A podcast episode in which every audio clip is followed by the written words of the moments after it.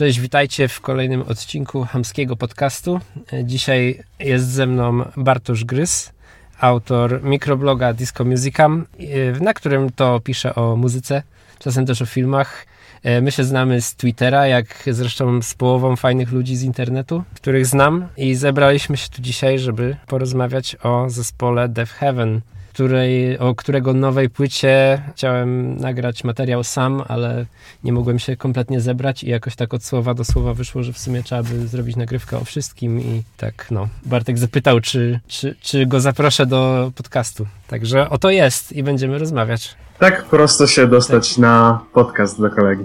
No, już będzie, będę miał pierwszy odcinek tak. podcastu. Tak, naj, naj, największy podcast w, w promieniu 5 kilometrów od Tarnowa Podgórnego, także, y, także czuję się zaszczycony.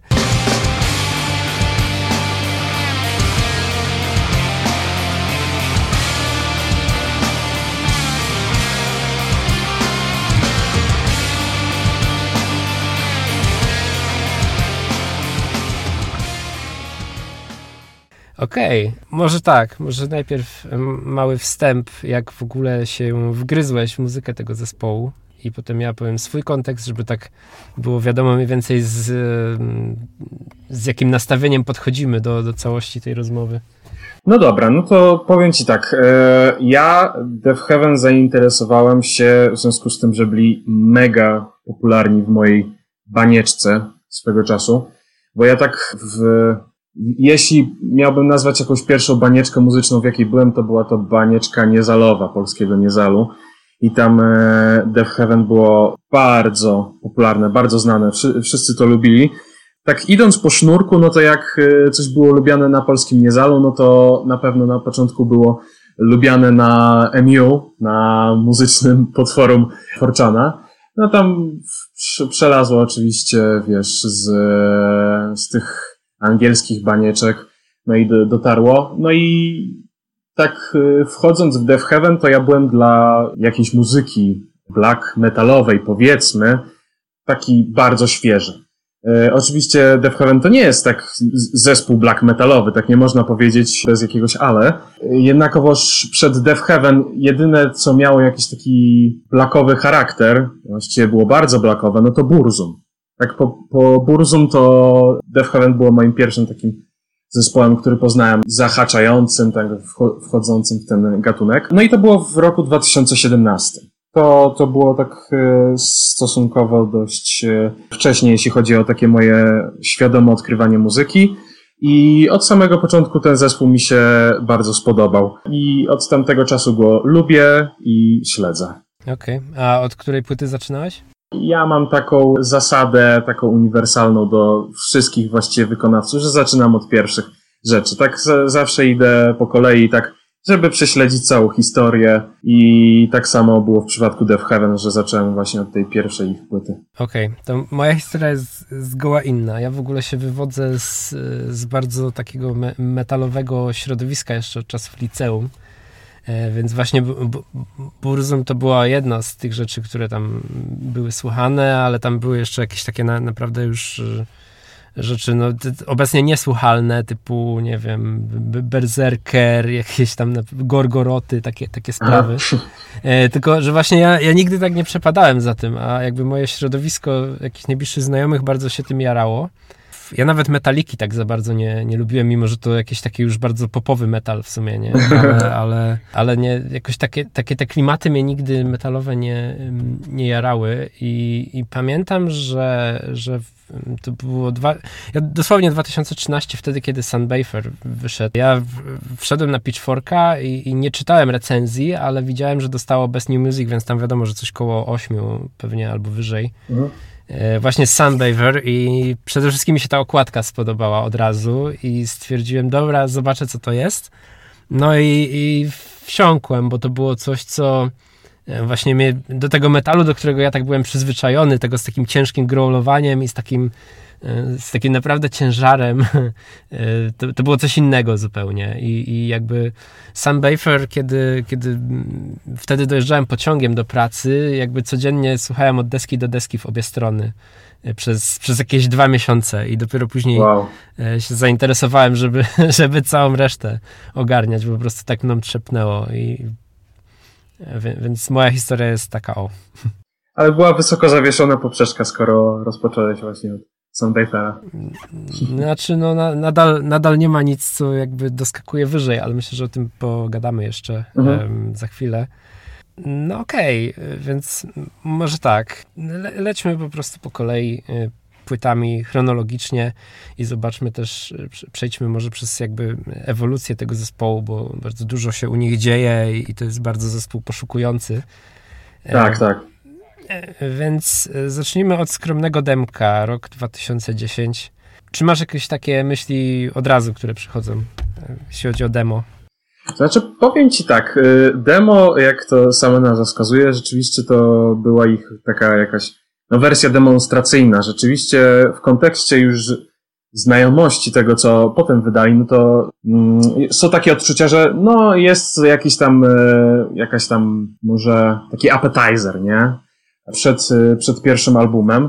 I rzeczywiście on e, chyba tak najbardziej jest połączony z tym pierwszym, że już ten sound, tych, ten początkowy ich sound to można określić, że taką jakąś fazę mają właśnie z tym demem i e, pierwszą płytą, że to są jednak takie bardzo spójne dzieła, że jedno powiedzmy, tak, tak po angielsku resembling, że tak rzeczywiście można skojarzyć. Odzwierciedla. Tak, odzwierciedla drugie, tak. Ja, ja nie mam jakichś szczególnych e, emocji związanych z tym właśnie pierwszym demem. Dla mnie to jest, e, ja je odkryłem zdecydowanie później od wszystkich albumów. Ja to na początku sprawdziłem powiedzmy wszystkie albumy, które były dostępne, a dopiero naprawdę po jakimś sporym czasie od ich sprawdzenia dowiedziałem się o demie i, i po prostu już tak e, nie mogłem sobie jakichś szczególnych emocji wykrzesić, bo dla mnie to jest taka e, no, krótsza wersja, taka e, zapowiedź Road to Judah. I dla mnie to jest już, już takie zdecydowanie oznaczenie, że oni są już tym zespołem, którym byli na późniejszych albumach. To nie jest jakieś takie, jakieś takie nagrywki garażowe, to już jest coś poważnego, ale, ale to zdecydowanie bardziej bym związany z tym demkiem, gdybym je poznał no te 10 lat temu ponad, a nie, e, a nie dopiero co, więc tak, tak się odnoszę mhm. właściwie do tej płytki. Okej, okay, no tu, tu się zgadzam akurat, no bo tak jak, tak jak mówisz, to jest taka właśnie super próbka, widać, że, że to jest demo, że, że chcieli jakby to komuś pokazać i, i dopiero zdobyć budżet na, na, na to, żeby zrobić naprawdę duże rzeczy e, w przyszłości. Ale no wszystkie patenty jakby już są obecne. Co prawda jeszcze na, widać, że oni się jakby pod względem kompozycyjnym będą e, rozwijać i że tutaj dużo jest takich po prostu, wiesz, szarpnięcie w gitarę, takie nie? I, no. i nic więcej tam się w tle nie dzieje.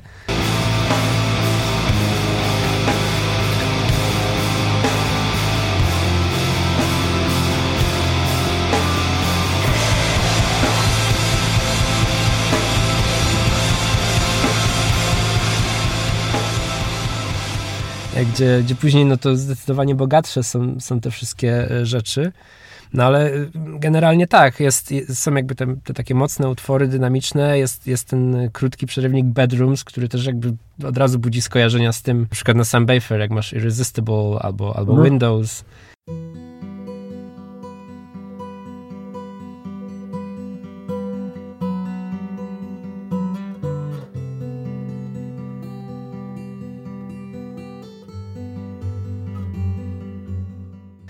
To to wszystko są te patenty. No i, i dla mnie finisher, w ogóle ja bardzo lubię ten, ten finisher.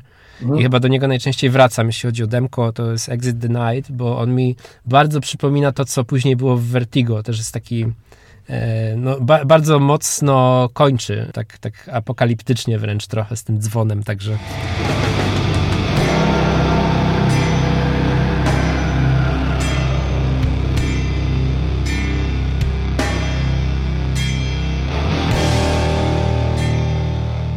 No tak, tak y, patrząc na ten tracklistę, no to chyba właśnie ten ostatni to jest takim showpisem, no bo masz y, na każdym albumie Death Heaven y, jakiś taki, no kilka często nawet, ale takich długaśnych, takich epików, jak to się mówi. No na, na tej epce no to jest właśnie ten epik na końcu, jest ten bedrooms, czyli taki łącznik pomiędzy trackami no i są te, powiedzmy, te średniej długości początku i na trzecim indeksie. I ja zasadniczo myślę, że na tym etapie, na już, już na samym początku zespołu, to nie, nie potrzebowali jakoś tak doszkolenia się jakiegoś, no to tylko jakiegoś rozgłosu, budżetu, jakiegoś takiego wejścia w branżę, może wejścia w społeczność bardziej niż jakiegoś tak. podszkolenia warsztatowego. Właśnie chodzi o to, że jako, jako jak na taki debiut to, to jest bardzo solidny materiał, w sensie wiele, wiele jakby kapel czy, czy artystów by, by chciało tak debiutować moim zdaniem, że bardzo mhm. to jest tutaj no, udane. Co, co ja ze sw- tak trochę uszczypliwie, już się może trochę czepiam, taki nitpick, ale dla mnie tutaj e, później zdecydowanie lepiej perkusja brzmiała, że tutaj na tym demie mhm. troszkę tak e, brzmi jak trochę karton i, i też, też e, jakby ten głos wrzaski George'a Clarka są troszkę takie jakby stłumione i, i, i, cofnięte i wydaje mi się, że to był element, który później jakby do, dograli troszkę lepiej, e, że, mhm. że jakby jego warsztat był spoko, ale od strony produkcyjnej e, trzeba było troszkę bardziej wydobyć te, te emocje, że, że troszkę tutaj są stłumione.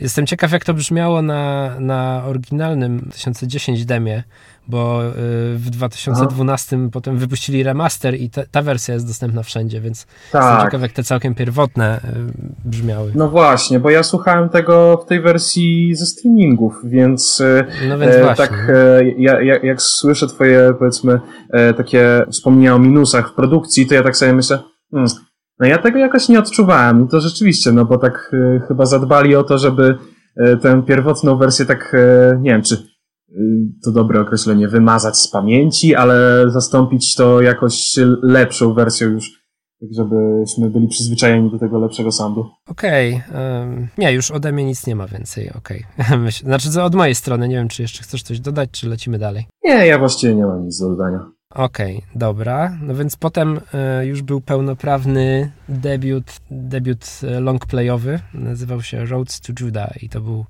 2011 rok. I jeśli ja mogę coś od razu powiedzieć, to od, od pierwszego kawałka, czyli od, od otwarcia, czyli Violet, tam widać, że oni jakby już. Ta, tam widać, co oni chcą robić. W sensie, bo, bo demo jakby było jednak mocniej tak zakorzenione w, tym, w, tym, w tych takich metalowych, że gdzieś tam się, się mm, inne rzeczy wplatały. Natomiast tutaj na Violet to już widać, że na przykład Slowdive ich bardzo jara.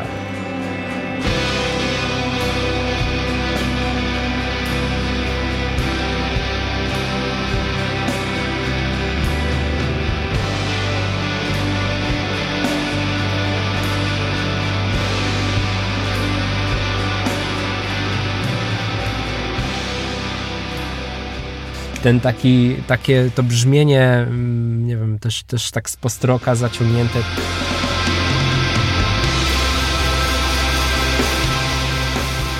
Te, te gitary, które się tak ciągną, oni sobie dają czas, żeby ta, ten kawałek się rozwinął i tak dalej, że widać, że to jest jakaś już taka mentalność, e, no bardziej, bardziej taka indie, nie, w tym wszystkim. Mhm. Tak, e, jak, e, jak pierwszy raz słuchałem tego Road to Judah, to była, no oczywiście moja pierwsza płyta Death Heaven, jaką usłyszałem. To byłem zachwycony, także chyba od razu puściłem ją drugi raz. I zdecydowanie spodobał mi się, się, spodobało mi się to brzmienie.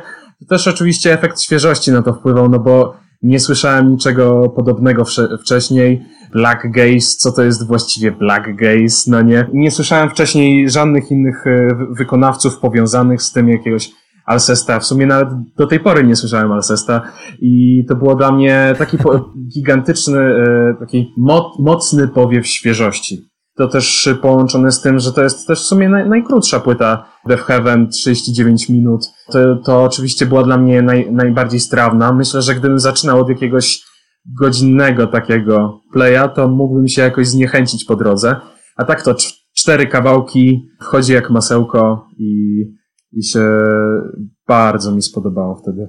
Tak, no w sensie ja, no tu nie ma jakby słabego momentu e, dla mnie. Właśnie tu jest już to takie wyczucie też właśnie, jak, to, jak te kawałki płyną przez cały album że, że jest na tyle mm, różnorodność i na tyle razy się coś zmienia w tej muzyce, że nie jest tak, że cały czas jesteśmy tylko atakowani tym takim e, ciężkim naparzaniem, nie? Że, że mhm. jakby ta energia jest tak właśnie fajnie dawkowana, rozłożona i tak, tak jak mówisz, po prostu słucha się tego, tego jakby na, na jednym oddechu, bo, bo to już jest krótkie, także... Mhm. E, powiem Ci tak, ja to właściwie teraz przedstawiłem moją e, perspektywę z czasu, kiedy ja tego pierwszy raz słuchałem, ale moja perspektywa od tamtego czasu się trochę zmieniła. I to nie jest tak, że ten album przestał mi się podobać, tylko tak e, już tak trochę ostygłem, jakoś ostygł nastrój, coś, coś, coś takiego, bo, bo już byłem po przesłuchaniu tamtych późniejszych płyt, z nimi też się bardziej oswoiłem. I teraz, o ile wciąż sobie oczywiście cenię Road to Judah i lubię ten album, mogę do niego wracać, tak myślę, że konstrukcja tych e, kawałków na tym, na tym albumie jest tak e, dla mnie jakoś tak z perspektywy właśnie wszystkich innych dzieł, taka dosyć prosta. Tak sobie kojarzę jakieś takie bonmoty na temat e, postroka. W tym przypadku jak to post-metalu, to ja sobie ko kojarzę takie, to jest wiesz, tak crescendo, takie jakieś wielkie rozładowanie, mm -hmm. potem e, spadek i, i tak, wiesz, tak falujący wykres y, dyna, dynamiki, że tak dosyć y, równomiernie widzę w to w Road to Juda, że tak to podąża tym tropem. Że ja rzeczywiście czuję, że to tak, taki właśnie, ta falująca dynamika, tak w takim, y, takiego stopnia, że ona wydaje mi się taka być dosyć prosta i dlatego po prostu nie doceniam jej aż tak bardzo jak na Sunbatherze, bo ona wydaje mi się tam być nieco bardziej skomplikowana. A tutaj właśnie czuję, że tak mhm. jest powiedzmy jakieś tam intro do kawałka, on się coraz bardziej robi mocny.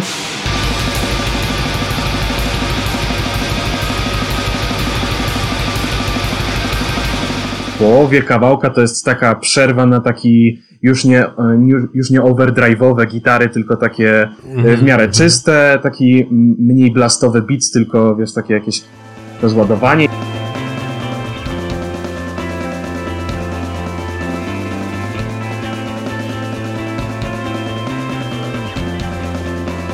Potem to wraca do tego blasta i potem jest e, jakieś outro, nie? Taka eksplozja emocji, nie? Na koniec.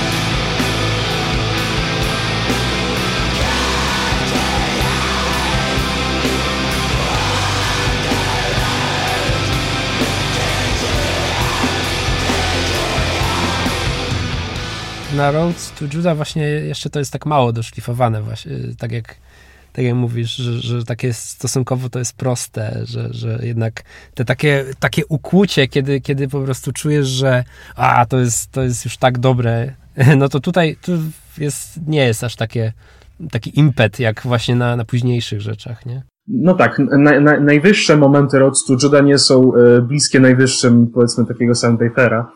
Natomiast po prostu taki mój główny zarzut byłby taki, że ten album jest dla mnie zbyt prosty do odgadnięcia. Nie powiedziałbym, że to dlatego, bo go za dużo ra, razy słuchałem, ale tak jak już się wsłuchałem, rzeczywiście przypomniałem sobie, no to to jest dla mnie właśnie, no takie nie, niewystarczająco skomplikowane, nie tak jak e, Y, Sunbather. Po, po prostu jest bardziej łatwa do opisania konstrukcja tego albumu, y, ale wciąż oczywiście jest on dobrym albumem.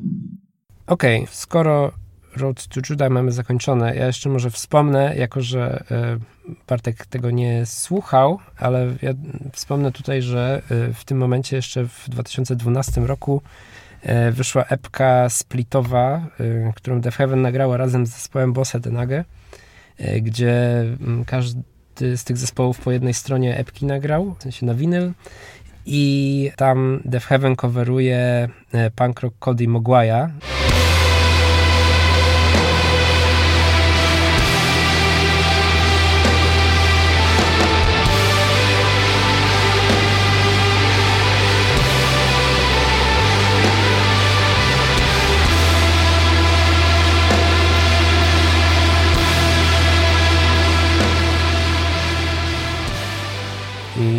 jak dla mnie to jest świetna rozgrzewka przed, przed y, Sam Bayfairem, y, ale powiedzmy wrzucam to bardziej jako ciekawostkę, bo nie mamy tutaj dwóch opinii, więc y, lecimy dalej. I, no i mam, dochodzimy do tego sławnego Sam Bayfera, czyli albumu, który w sumie no, wystrzelił ich popularność do stratosfery praktycznie i, i, i był dla nich bardzo przełomowy. Także no, chyba zdobyli najwię, największą popularność nim i, i, i zresztą bardzo słusznie. E, no ja już, ja już o Sam Waferze mówiłem osobno na swoim kanale, miałem 10-minutową recenzję, także nie, znaczy nie, nie chcę się za dużo też powtarzać, ale z drugiej strony e, trzeba by pewne rzeczy powiedzieć. Przede wszystkim dla mnie tu już jest ta, ta taka, ten taki znak szczególny, czyli dla mnie to, ja mówię, że to jest reżyseria, tak, że ten album jest po prostu wspaniale wyreżyserowany, że, mhm. że wszystkie momenty, wszystkie zmiany są w takim momencie muzyki e, zrobione z takim wyczuciem, e, że, że to jest naprawdę zachwycające, że nie wiem, szczególnie ja to czuję w tytułowym utworze, gdzie, gdzie po prostu jest no, naprawdę taki mocny, intensywny i, i jest już któryś raz wałkowany ten taki motyw, gdzie tam naparzają ostro i ja już mówię, kurczę, już by się mogło coś zmienić, nie? I w tym momencie wchodzi ta taka wolna przegrywka, ale nie wiem, jakiś violence czy The Cure.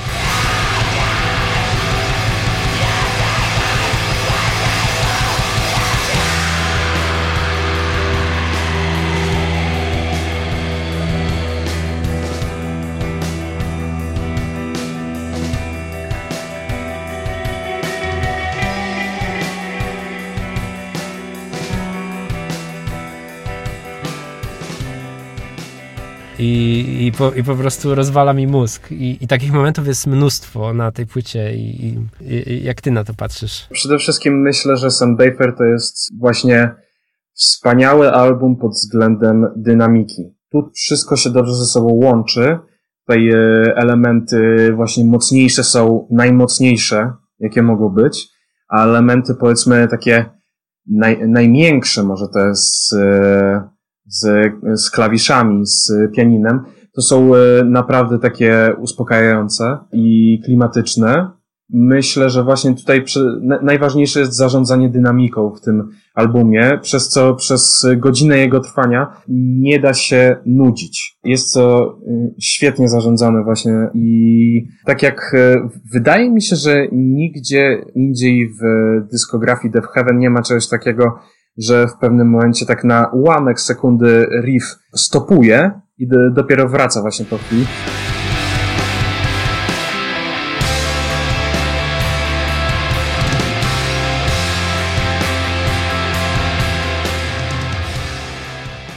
Nie pamiętam, w którym dokładnie to było traku, gdzieś tam właśnie bliżej końca. Nie wiem, czy Vertigo, czy The Peck and Tree ale zdecydowanie jest tutaj najlepsze podtrzymywanie uwagi słuchacza, co, co myślę, że jest sporym osiągnięciem, bo na, na płycie takiej długości to uwagi słuchacza można nie podtrzymywać, co mógłbym e, zaadresować do innej płyty Death Heaven, więc, e, więc to zdecydowanie mi się na, najbardziej podoba. Tutaj, mimo że, mimo że ten zespół e, w sumie nie, nie zmieniał się jakoś diametralnie przez te swoje kilka albumów od y, początku lat dziesiątych do końca lat dziesiątych, czyli prawie całą dekadę grał tak mniej więcej ta, ta, taką samą muzykę, ale z y, różnie przekładanymi akcentami. Wciąż y, o, o, będąc w przestrzeni innego gatunku, tak to myślę, że jest warte odnotowania,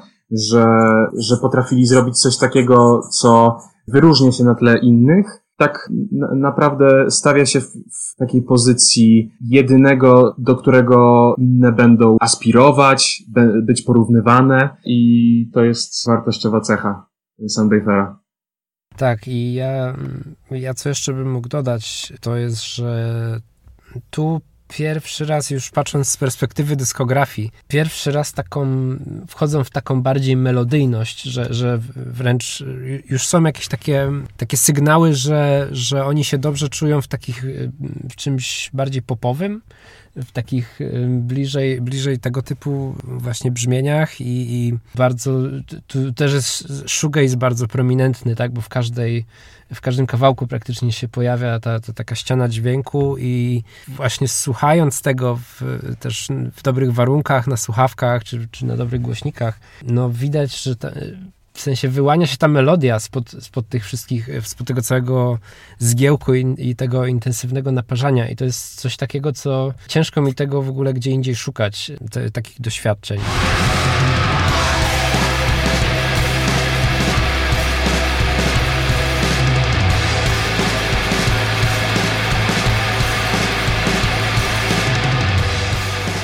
Mhm. Tak, y, zdecydowanie to jest warte uwagi, bo rzeczywiście Road to to wydaje mi się być taką płytą y, bardziej przez, przez klimat kojarzoną. A tutaj rzeczywiście już są te melodie i one będą kontynuowane na dalszych albumach.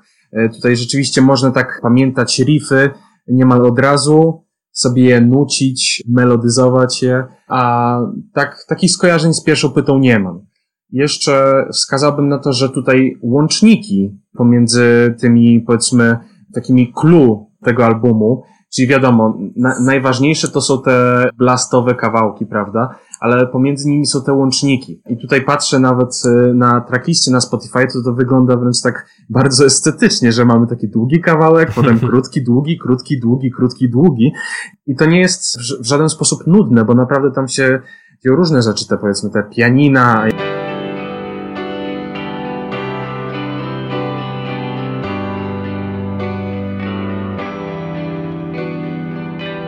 Jakieś tam e, nagrania głosowe.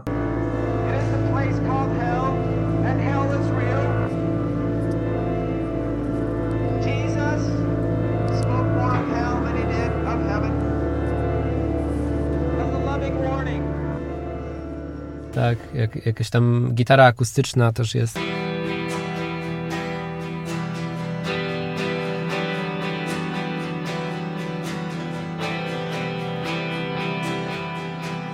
Tak, tak. Tu, tu się dzieje rzeczywiście wiele rzeczy. I przez to naprawdę nie można się przez y, Sunbatera nudzić. Mhm. I też y, wracając właśnie tu, tu uważam, że jest y, naprawdę produkcyjnie, jest jakby no idealnie, że, że ten, ten, ten wrzask George'a, mimo że ciężko jakby mm, słowa rozróżnić i szczerze mówiąc ja mam wszystkie wydania fizyczne i zresztą teksty można też z, znaleźć w necie. Ja nie, nie chcę patrzeć o, o, czym on, o czym on tam wrzeszczy tak do końca, bo e, w, w ten sposób bardziej jakby e, emocjami słucham tego niż, niż, niż takim, wiesz, treścią i, i racjonalnie, że, że, że jakby sam sobie treść tam dokładam. Nie chcesz odebrać sobie tajemnicy, tak?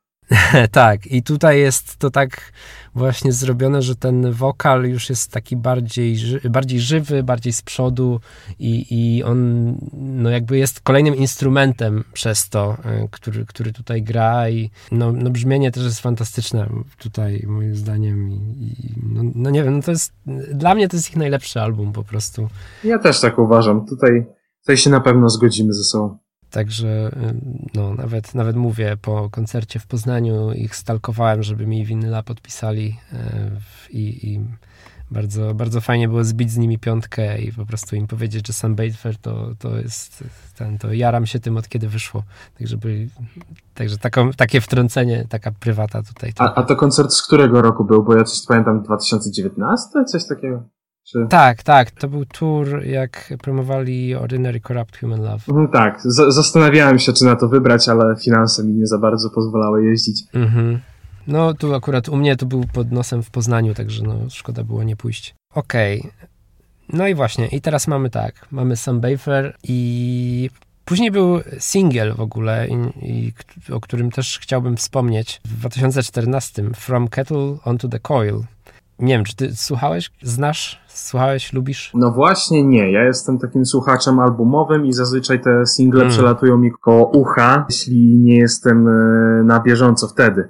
No w 2014 roku, jak sprawdzam, kiedy ten single został wydany, to ja o Death Heaven w ogóle nie słyszałem, ale ja nie słyszałem o prawie niczym ze świata muzyki, co się wtedy działo. Okej, okay. to, to ja pokrótce powiem, bo mnie, bo, bo, dla mnie to jest bardzo ważny w ogóle singiel. Ja też jeszcze pamiętam, że to były czasy, kiedy ja od czasu do czasu tekstowe recenzje pisałem na swoim blogu, także chyba e, pisałem recenzję tego singla. On wyszedł w ramach, w ramach takiej akcji Adult Swim e, Singles, gdzie amerykańska stacja Adult Swim, nie wiem, którzy znają, niektórzy nie w Polsce, zaprosiła różnych e, artystów i przez miesiąc jakby codziennie jeden singiel wychodził, specjalnie zrobiony dla Adult Swim, tam tymczasowo ekskluzywny, że przez miesiąc chyba tylko można było go na Adult Swimie odtworzyć, a później wlatywał wszędzie indziej i artyści mieli do tego pełne prawo i tak dalej, że to to no, taka bardzo sympatyczna akcja, żeby promować różne osoby. I dlatego chcę o nim wspomnieć, że ja uważam, że on jest świetny. Szczególnie tak gdzieś od, od drugiej minuty to jest tam już kompletne tour de force.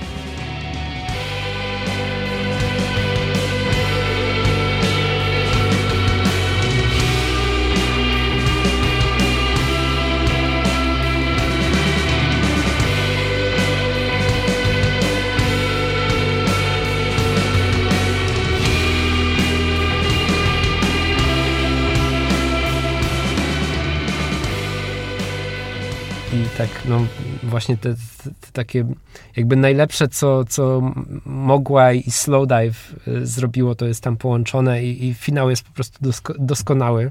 Taki, że mam ciary.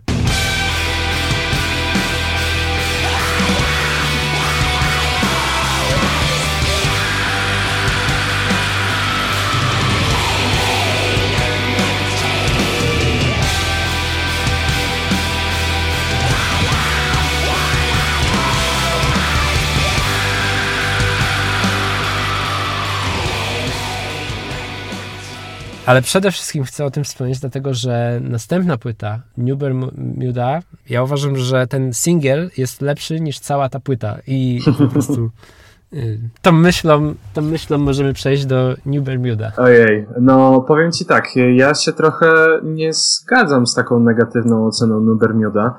Dla mnie to, cóż, kiedy wchodziłem w Death Heaven, to była to dla mnie najnowsza płyta Death Heaven. Raczej nie spotykałem się z jakąś zł, jakimiś złymi opiniami na jej temat i w sumie tak samo uważam, że do teraz, że to jest dobra płyta.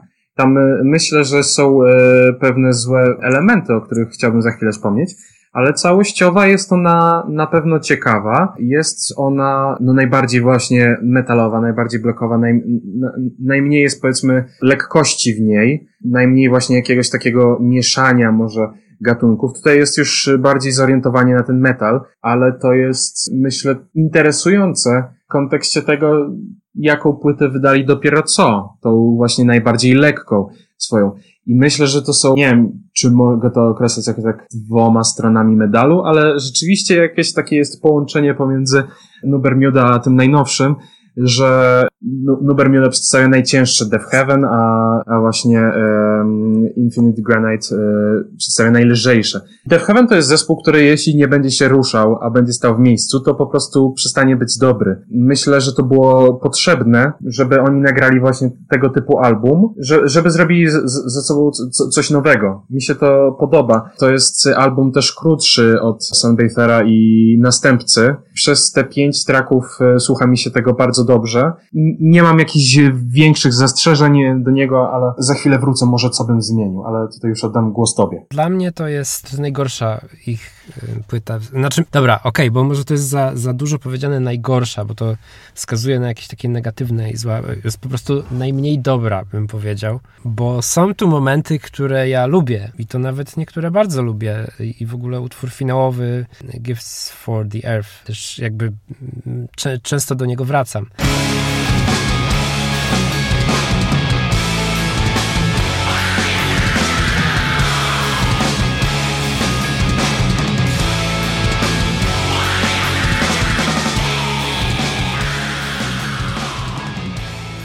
Natomiast to jest też to, że, że ja no, tego Sandbifera miałem no, wrytego w mózg, bo ja go tak dużo słuchałem.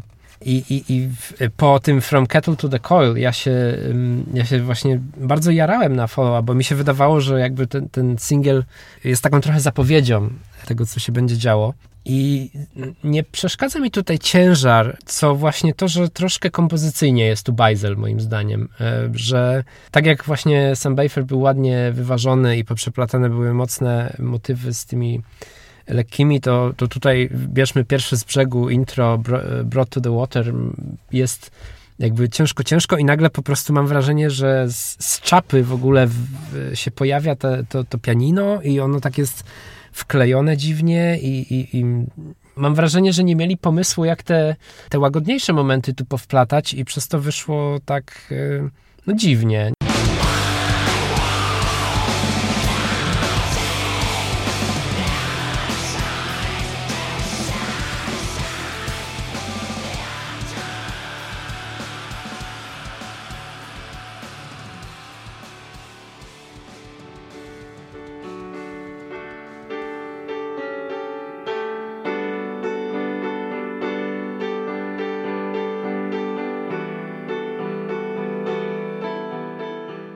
No, właśnie zahaczyłeś o to, o czym miałem wspomnieć, że na tej płycie nieudane są te przejścia, te łączniki. Tutaj słuchałem tej e, płyty w ramach przypomnienia, to zorientowałem się, że to kiepskie są te przejścia, bo to jest po prostu takie nałożenie fade-outu i potem do, do, dodatkowa ścieżka. Nie jest tak jak e, na Sunbatherze, kiedy nie zorientujesz się, kiedy pierwszy kawałek Dreamhouse przechodzi w Irresistible. To, to, to, to przychodzi tak płynnie, musisz patrzeć na bieżąco na odtwarzacz, żeby zorientować się, że to już, już jest już coś innego. A tutaj to jest po prostu takie wygaszenie, jeszcze tak zostaje sporo miejsca pomiędzy tym wygaszeniem a tym pianinem w Brought to the Water i tak zostaje jakaś taka pustka brzmieniowa, takie, że właściwie czegoś tutaj brakuje. To za dużo przestrzeni zostawiliście między tymi dwoma. Tak, że to, to, to flow jest takie zaburzone i tak samo właśnie w tym, co ja wspomniałem, Gifts for the Earth, gdzie, gdzie jest dokładnie to samo, że, że bardzo ładnie płynie ten kawałek i pod koniec nagle jest, dobra, jesteśmy za daleko, to dobra, wrzućmy tutaj to, takie spokojne plumkanie, nie?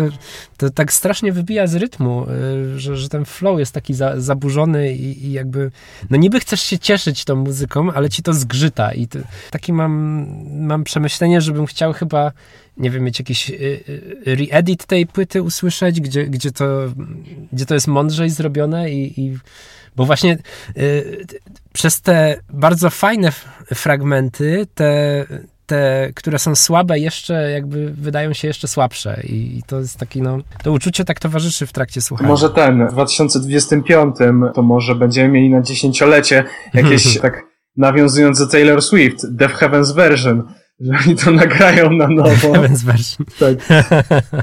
Ale ten, mi się ta płyta ba bardzo podoba, mimo tego, to jest powiedzmy, no tak wskazuje jej e, taką dla mnie największą wadę tych przejść, ale są tutaj też ba bardzo dobre momenty. Ja pamiętam jakieś czytanie, jak ludzie sobie cisnęli z tego, że na tym kawałku Baby Blue to wchodzi taka gitara, e, taka solówka gitary z efektem wała.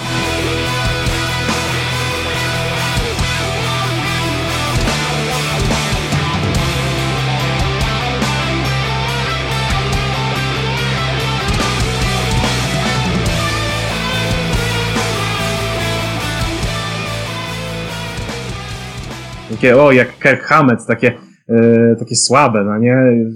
Jak Kirk jak gościu z Metaliki. A dla mnie to było właśnie dobre. To jest dobre, to jest świeże, mi się to bardzo podobało. To jest rzeczywiście, ta płyta rzeczywiście jest przedstawieniem tego, że oni szukają, rzeczywiście poszukują, coś innego się pojawia i ta płyta też utrzymuje moją e, uwagę przez cały czas jej trwania mimo wad, mimo bycia gorszą właśnie od Sundafera, to powiedzmy tak samo jak Sundafer mogę jej słuchać od początku do końca i nie pomyśleć sobie gdzieś tam w trzech czwartych, że no dobra, to już by mogło się skończyć, nie? Więc takie mam podejście do Bermuda. Rozumiem. Znaczy ja, ja rozumiem to, bo ja też mam tak samo, że to jest, e, w sensie to jest tak, że sam Bafer mogę tak w miarę bez kontekstu sobie załączyć, natomiast e, na New Bermuda muszę się tak nastawić, że słucham tego i że wiem, że tam będą te momenty, które ten, ale mimo wszystko sprawia mi to frajdę, więc, więc to jakby nie jest album, który jest całkowicie do, do śmieci, no, no to by było bardzo nieuczciwe tak powiedzieć. Ale tak jak już ty wspominałeś, dla mnie to brzmi jak taki moment zwrotny tutaj, że, że mi się wydaje, że oni już tu byli troszkę zmęczeni tym, tą ich metalową stroną i tak mm, zrobili sobie dłuższą przerwę, bo chyba to jest najdłuższa przerwa między albumami, jaką oni mieli. Trzy lata między, następ, między tym a następnym albumem. No tutaj musielibyśmy wchodzić w miesiące, bo trzy lata to jest też pomiędzy najnowszym a przedostatnim. Y, może, może dobra, nie, nie grzebmy w ty, faktycznie w, tych, w tej przerwie, ale natomiast mi się wydaje, że, że tu był jakiś brainstorming na ten temat, że, że słuchajcie, co, co robimy, bo już tak troszkę mm, no, trzeba, trzeba pójść w nową stronę, bo już troszkę na jedno kopyto leci. Więc użyjmy tego jako, jako ładną rampę do, do następnej płyty Ordinary Corrupt Human Love 2018 i może co ty o tym sądzisz? Ja to bym właśnie się podłączył do tej twojej wcześniejszej myśli o tym, że była burza mózgów i rzeczywiście mogła być, bo na Ordinary Corrupt Human Love to już mamy takie zapowiedzi tego, co będzie potem. W postaci tego jednego traczka, na przykład Nir, to już jest bardziej przypominający Infinite Granite.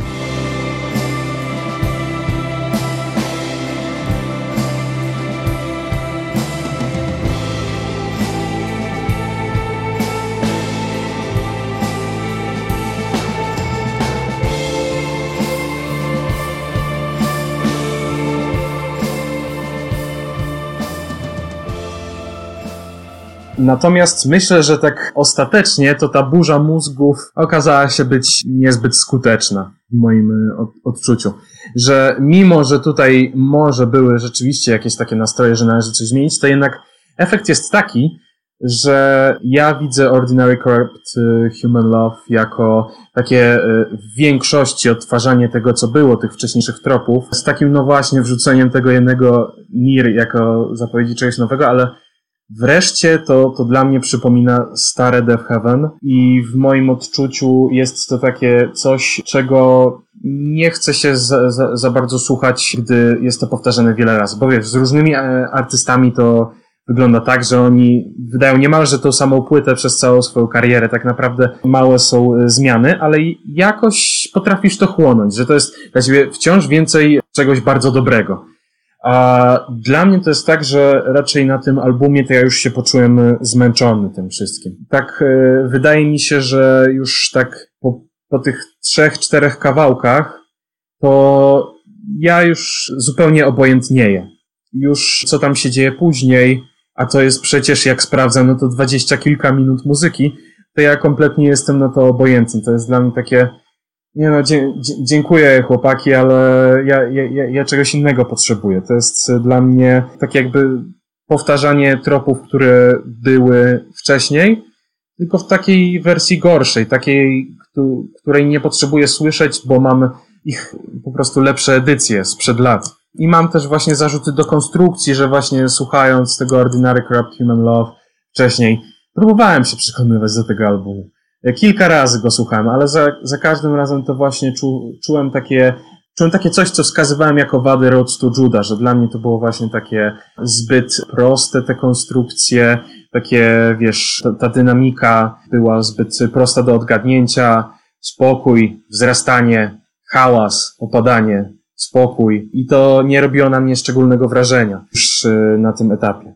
Znaczy roz, rozumiem taką opinię. Jak dla mnie, ja, ja ten album bardzo lubię generalnie i, i, wracam do niego często, aczkolwiek, tak jak, tak jak mówisz, ja zazwyczaj jak, jak do niego wracam, to kończę na Near, bo y, i, i, i dalej nie słucham. Tak, więc to, to, co mówiłeś, że, że właśnie, że tam jeszcze jest 20 minut materiału, to się zgadzam, że właśnie jakoś tak ja jestem wysycony już na etapie Near i w ogóle sam kawałek Near e, bardzo lubię, uwielbiam wręcz e, i wspominałem o tym w poprzednim podcaście z Agus, że że dla mnie to jest, to, to, ten kawałek to był bardziej slowdive niż płyta, którą slowdive w tym samym Tak, no zdecydowanie. E, swoją.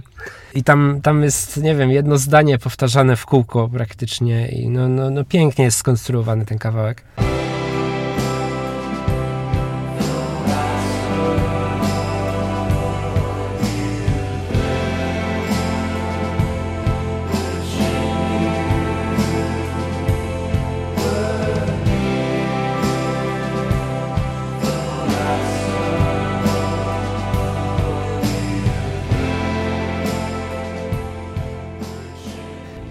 Jest też to, że, że jakby te kawałki, które są na tej jakby stronie B, bo na winylu to właśnie się w, po, po NIR się zmienia stronę, więc to też tak... Czekaj, czekaj, ja cię teraz zapytam. Czy oni wydali to na jednym winylu, godzinną płytę? A nie, przepraszam, na, na o, dwóch. No. E, w 45 RPM-ach to jest nagrane, więc to jest e, no, podchwytliwe jest słuchanie Def Heaven, oni wszystkie Już, za, tak już zacząłem trochę bać, no bo jakbyś miał na jednym winylu godzinną płytę, to jakość pewnie by była trochę mierna, nie? Nie, nie, fakty, y, nie, faktycznie dobrze mówisz, ale tak, ale w sensie ta część Glint, Night People i Worthless Animal są na drugim dysku i jakoś tak nie, nie słucham ich, natomiast jest, są to pewne rzeczy, które mnie zaskoczyły i właśnie w porównaniu z New Bermuda to jest tak, że jeden kawałek w ramach jednego kawałka dostarcza, że on może jako cały album, tak jak mówisz, faktycznie nie, już nie płynie tak dobrze, na przykład te, te Night People to, to jest takie no, niby wolniejszy kawałek i, i jest tam też prawdziwy wokal, ale już tak średnio to siada, tak troszkę nudzi.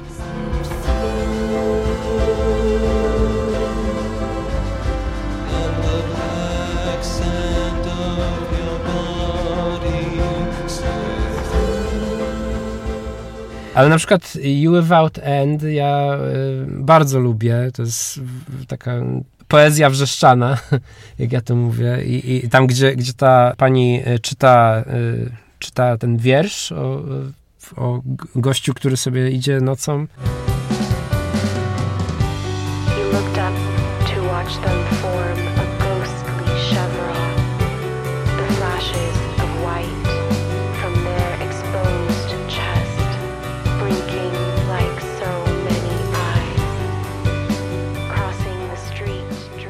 I, I to jak on się rozwija, jak tam są te wszystkie partie pianina i jak wchodzi to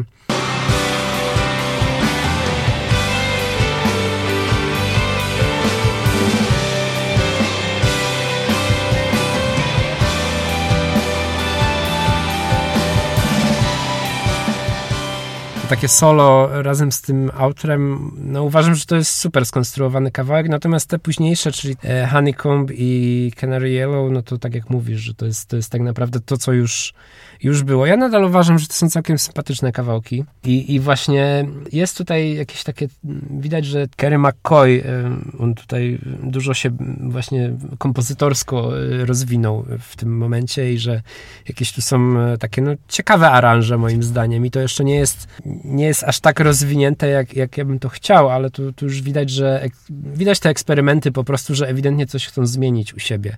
No i jeszcze dodam jedną myśl, że właśnie bardzo mi szkoda, że, że tą stronę drugą, znaczy ten drugi dysk tak mniej odtwarzam, bo outro, czyli Worthless Animal, no też mi siada bardzo, ale jakoś tak o nim zapominam przez to, że, że jakby jestem wysycony tą pierwszą połową.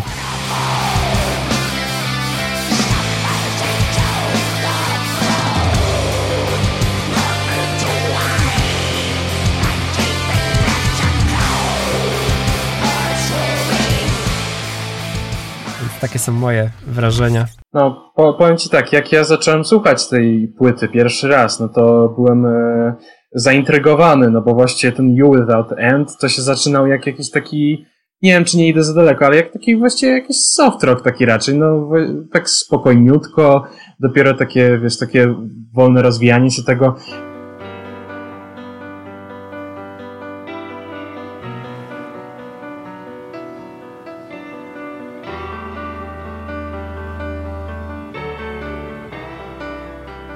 Tak miękkiego brzmienia od Death Heaven, takiego y, rockowego, bo nie mówię tutaj o jakichś, powiedzmy, takich preludiach pianinkowych, to tak miękkiego, rockowego brzmienia to nie słyszałem od nich nigdy. Natomiast potem po prostu to nie, nie utrzymało mojej takiej uwagi. Też trzeba spojrzeć na to, że takie Honeycomb i Canary Yellow to są właściwie jeden po drugim i już czuję na tym etapie taki pewien przesyt.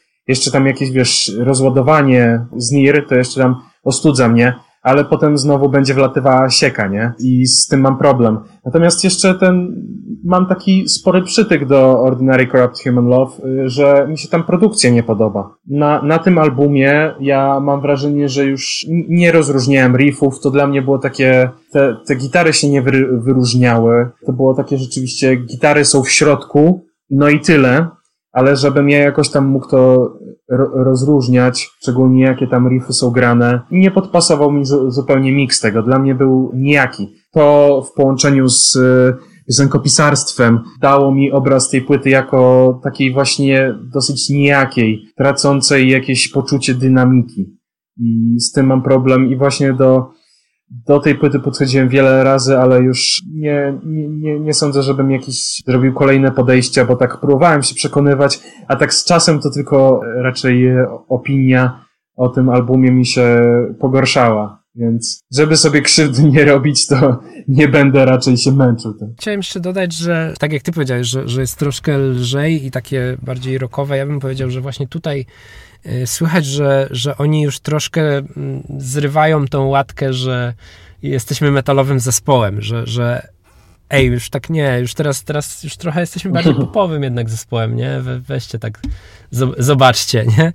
I, I właśnie przez to, że jakby przesadzili z tą, z tą intensywnością w ciągu, to, to ciężko to usłyszeć, ale jak się tak bierze pojedyncze elementy, to to faktycznie słychać, że oni coś, coś nowego kombinują.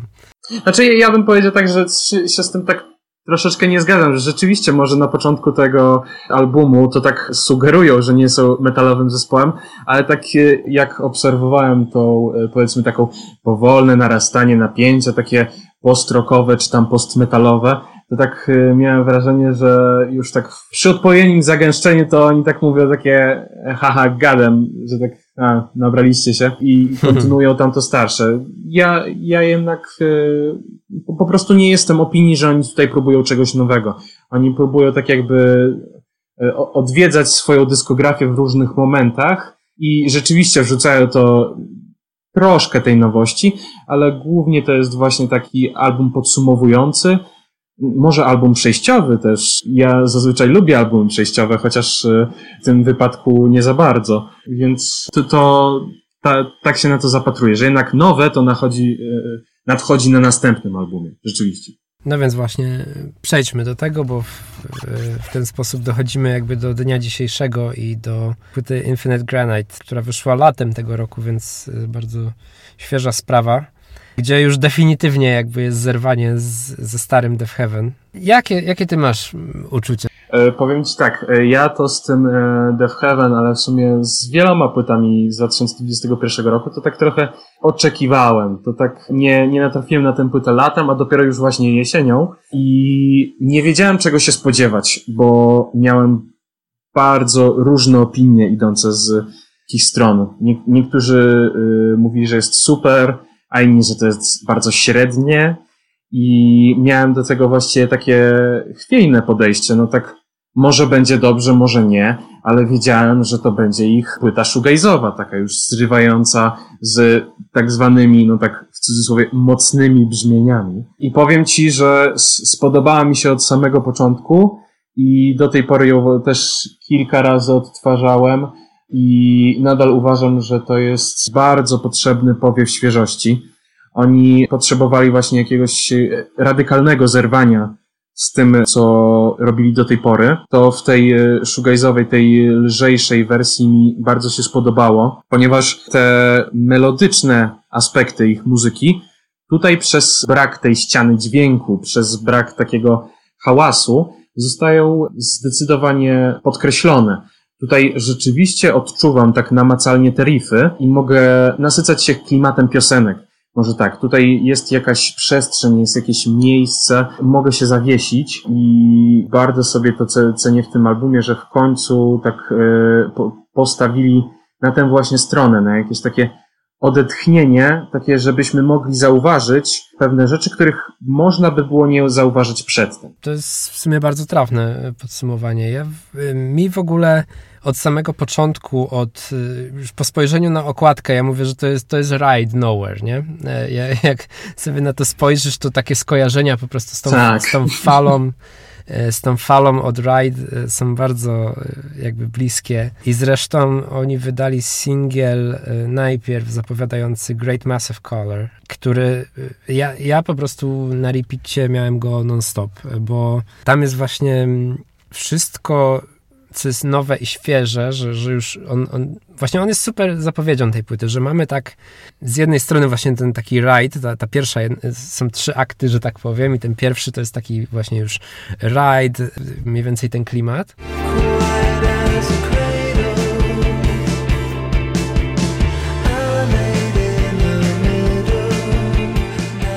Później mamy jakiś, w środku wchodzi jakiś Jorge Elbrecht i, i takie, mm, takie jakby, jakby takie piękne balladki.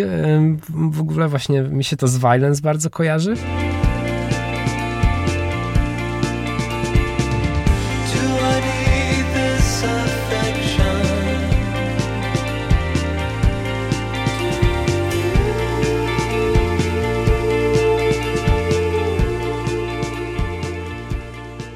I na sam koniec jest taka, taka nutka przypomnienia, że no, ale my się nazywamy Death Heaven, nie? Gdzie jest jednak takie, taki ten wrzask George'a tam pod koniec i, i troszkę mhm. tak jest intensywniej.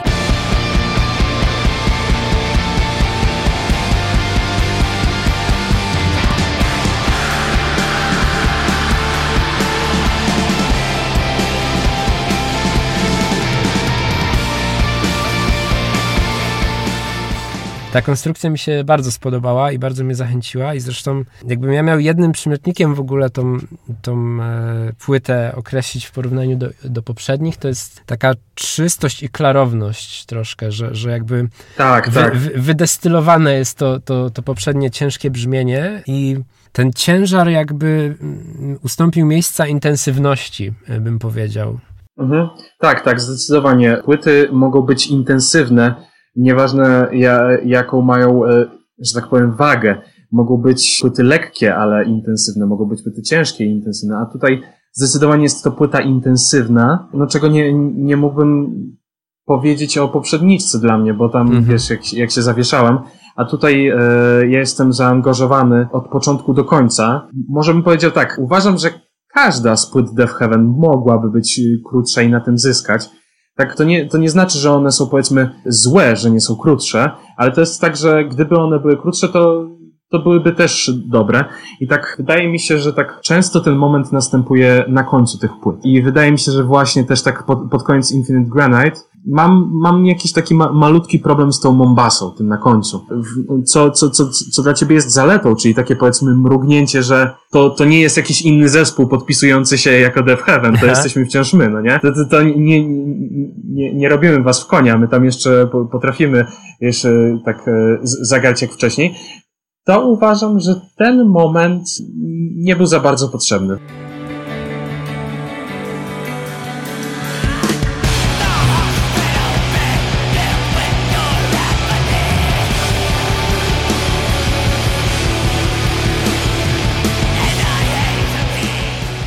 właśnie tak całą resztę płyty bardziej wolę od tego ostatniego kawałka. To, to, to nie jest tak, że kurczę, ja nie lubię Death Heaven, oni muszą grać inaczej niż Death Heaven, żebym lubił Death Heaven, ale wydał mi się ten fragment trochę zbędnym i e, tę płytę bardziej cenię sobie za jej e, resztę. Znaczy, jest to całkiem zrozumiałe dla mnie.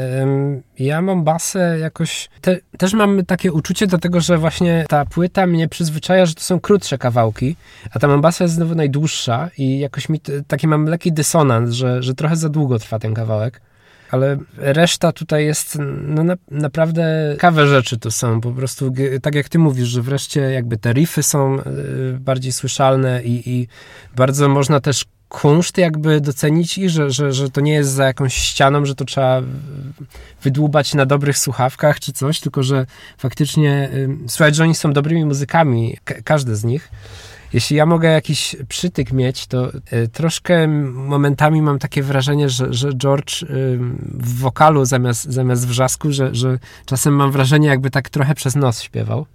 I, y, szczególnie w In Blur chyba, chyba to jest słyszalne.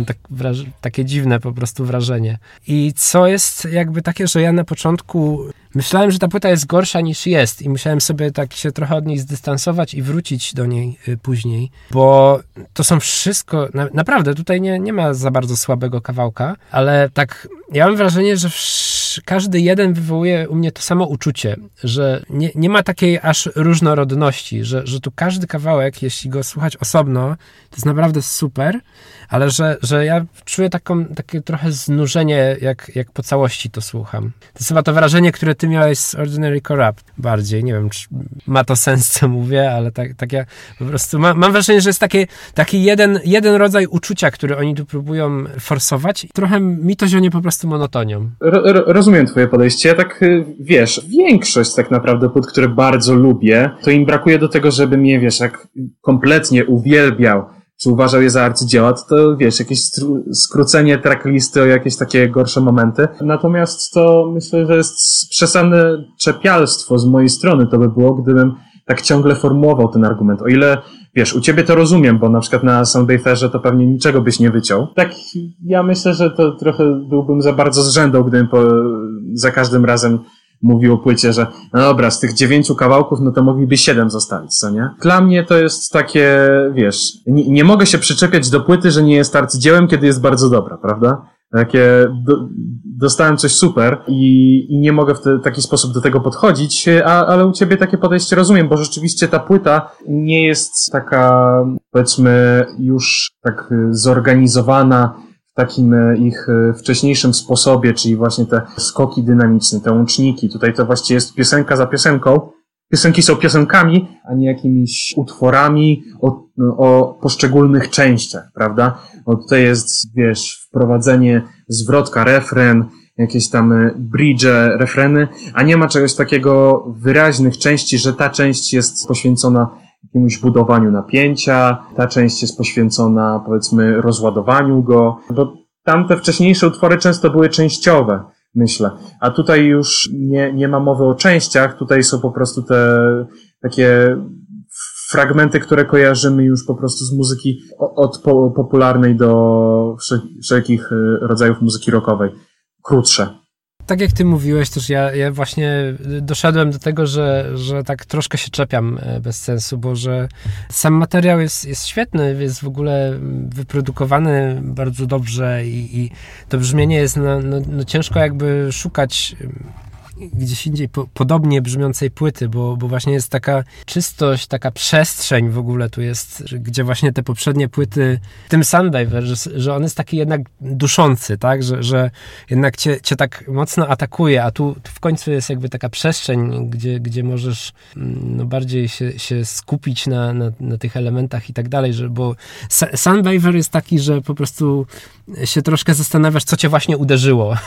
A tu jest tak, że, że właśnie jesteś w stanie to na bieżąco w miarę przetwarzać. I to jest y, no taki troszkę inny aspekt po prostu tego słuchania. I zresztą ja się o tyle nie chcę czepiać, że, że no fajnie, że to jest zespół poszukujący przede wszystkim, że, że oni ma, czują to, że muszą jakby E, poszerzać swoje horyzonty i że, że e, eksperymentują i, i ja, ja, uważam, że to jest wszystko bardzo na plus i, i mimo, że właśnie jakby brakuje mi tej dy, dynamiki od, odczuciowej, to, y, to ja się nie, nie chcę czepiać, nie? bo ja, ja uważam, że to jest i tak dobry materiał. No, tak, tak, zdecydowanie.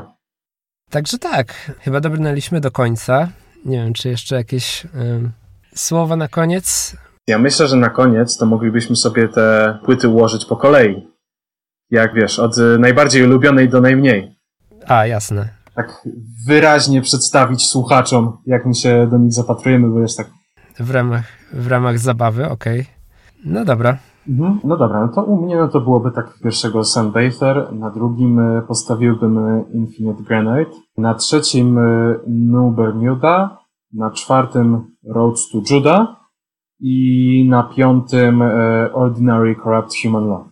Przy czym wiesz, to nie jest tak, że jak mam na czwartym z pięciu Roads to Judah, to jest płyta taka se, średnia. To jest właściwie dopiero pomiędzy czwartym a piątym miejscem robię jakąś granicę, do czego bym wracał, a do czego nie.